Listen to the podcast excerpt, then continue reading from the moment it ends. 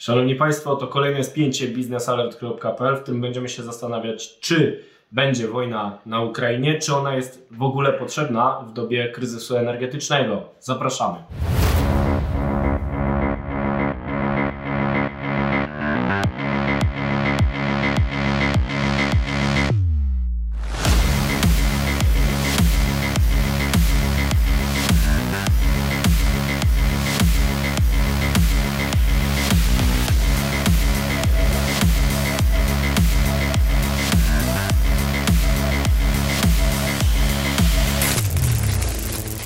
Jest ze mną Mariusz Marszałkowski, nazywam się Wojciech Jakubik, jesteśmy z redakcji biznesalert.pl, a to jest program Spięcie biznesalert.pl. Dzisiaj tematem jest y, konflikt na Ukrainie. On nie wybuchł wczoraj, tylko w 2014 roku, kiedy Rosjanie zaatakowali wschodnią Ukrainę, nielegalnie anektowali Krym i niestety ten konflikt trwa już 8 lat. Natomiast dochodzi do dalszej eskalacji. Na granicy zostało zgromadzone 100 tysięcy żołnierzy rosyjskich. Świat boi się nowej wojny na Ukrainie, a do tego dochodzi jeszcze kryzys energetyczny, który na Ukrainie ma szczególny wymiar. I o tych sprawach wojskowych i energetycznych będziemy sobie dzisiaj mówić. Mariusz, czy Rosjanie wejdą dalej na Ukrainę? To jest bardzo dobre pytanie, na które e, pytanie sobie stawiają e, w zasadzie wszyscy, podejrzewam, analitycy, dziennikarze, ale też zwykli ludzie e, na całym świecie, szczególnie w Europie, czy Rosjanie wejdą. Rosjanie prowadzili już wcześniej, już parę lat temu, zresztą co roku praktycznie są takie momenty, którym Rosjanie mm, straszą konfliktem, zbierają siły wojskowe na granicy z Ukrainą. Tylko, że w tym roku jest, jest inaczej, bo rzeczywiście te Ale sygnały... jest groźniej czy mniej groźniej? Jest groźniej. Jest groźniej dlatego, że wcześniej przy mobilizacji wojsku, wojsk rosyjskich na granicy z Ukrainą było, mm, po pierwsze, te siły one były podobne, jeżeli chodzi o większość. To zawsze powyżej 100 tysięcy e, wojska. Teraz się mówi o 130 tysiącach już żołnierzach, którzy stacjonują naokoło Ukrainy rosyjskich. I cały czas ich oczywiście e, do, dochodzi kolejne, kolejne, kolejne oddziały, kolejne jednostki dołączają do tych, e, które stacjonują tam. Z tym, że teraz jest o tyle groźniej, że widać ruchy tych wojsk, które wcześniej, które rzeczywiście symbolizują nadchodzący konflikt. Na przykład? Na przykład to są rozwijanie szpitali polowych, to jest, są na przykład wojska logistyczne, cała logistyka wojskowa, e, czyli ciężarówki z paliwem, e, też paliwem takim specjalistycznym, bo Czyli lotniczym. jeśli Rosjanie by chcieli tylko straszyć, no to nie musieliby tych szpitali rozkładać. No nie, bo to, to z reguły, chyba że to jest kolejny etap tej, tej, tej, te- tego napięcia, budowania, a Rosjanie to traktują może jako, jako Inwestycje. sposób, jako, jako ćwiczenie, takie bardzo realistyczne ćwiczenie. Też tego nie można wykluczyć. Rosjanie y, wielokrotnie pokazywali, że byli w stanie zmobilizować kilkadziesiąt czy kilkaset tysięcy żołnierzy po to, żeby po prostu postraszyć.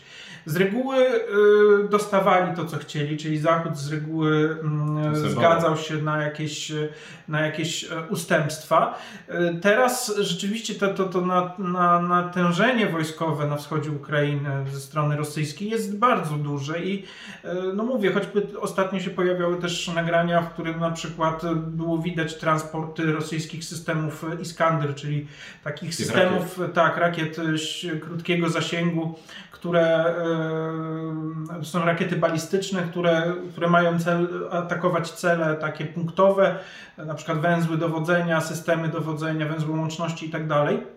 No i teraz było widać transport tych Iskanderów, plus było widać osobny transport e, rakiet do tych systemów.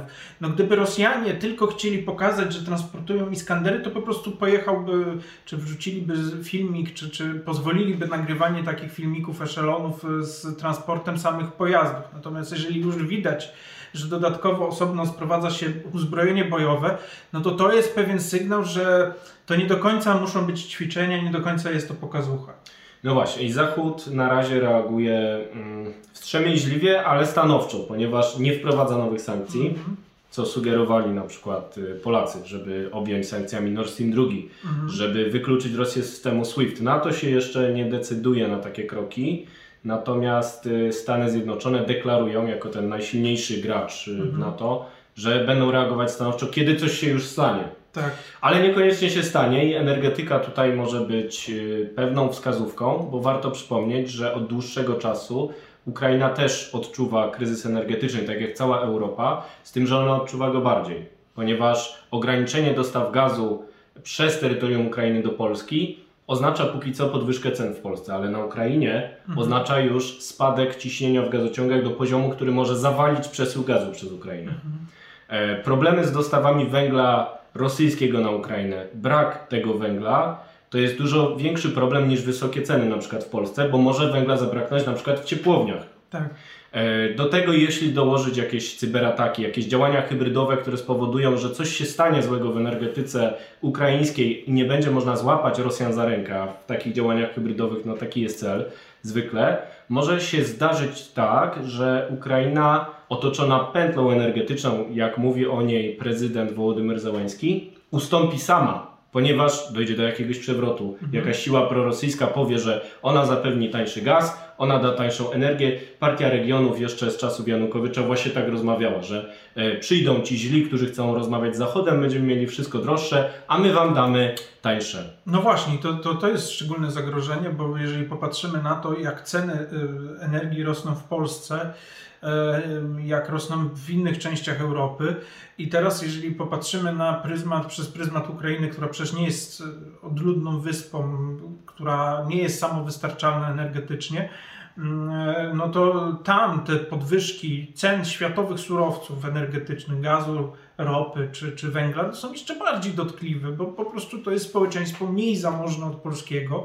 E, trudniej, e, większy ten koszyk jakby wydatków społecznych e, stanowi energetyka. Ma mniej pieniędzy, Kosztów, bo od lat tak. zmaga się z trudnymi reformami, ma różne problemy strukturalne, No których plus u nas jest oczywiście, mniej. plus oczywiście te kwestie związane z tym sąsiedztwem z Rosją, która powoduje to, że Ukraińcy zamiast na przykład przeznaczać pieniądze na na przykład zakupy jakieś węgla, gazu dodatkowe w- u, czy, czy modernizację swojej energetyki, muszą wydawać te pieniądze na zbrojenia, na Tak, ponadnormatywne oczywiście, bo Taki biedny popatrzymy... kraj musi wydawać pieniądze nie na właśnie reformy, tylko na to, żeby nie wpuścić Rosjan głębiej na Ukrainę. No tak, no jeżeli popatrzymy na przykład przez pryzmat PKB wskaźnika, no to Ukraińcy wydają ponad około 4% PKB właśnie na budżet e, obrony, tylko Więcej niż ministerstwa... Polska, bo my obiecujemy, że zrobimy 3%. U nas jest, u nas jest 2%, 2, 2 Mówimy, 1, że 2, będzie 2, trzy. tak. Natomiast my mamy też większy, wyższy PKB, także to też pokazuje, jak Ukraińcy, jaką część budżetu ukraińskiego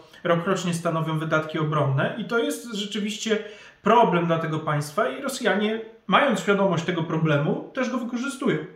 I właśnie z tego powodu być może wojna nie będzie konieczna. Oczywiście w mamy nadzieję, że nie dojdzie do wojny ani do upadku Ukrainy z powodu problemów w energetyce. Natomiast nie jest wesoło i ten odcinek chyba nie będzie miał optymistycznej konkluzji. Ostatnio mało które nasze odcinki mają jakąś optymistyczną konkluzję. Taki mamy klimat, proszę Państwa. Zapraszamy na kolejne spięcie. Może będzie bardziej optymistyczny. Może, no miejmy nadzieję, że tak będzie. Do zobaczenia za tydzień. Pozdrawiam Mariusz Maszałkowski, Wojciech Jakubik. Do zobaczenia.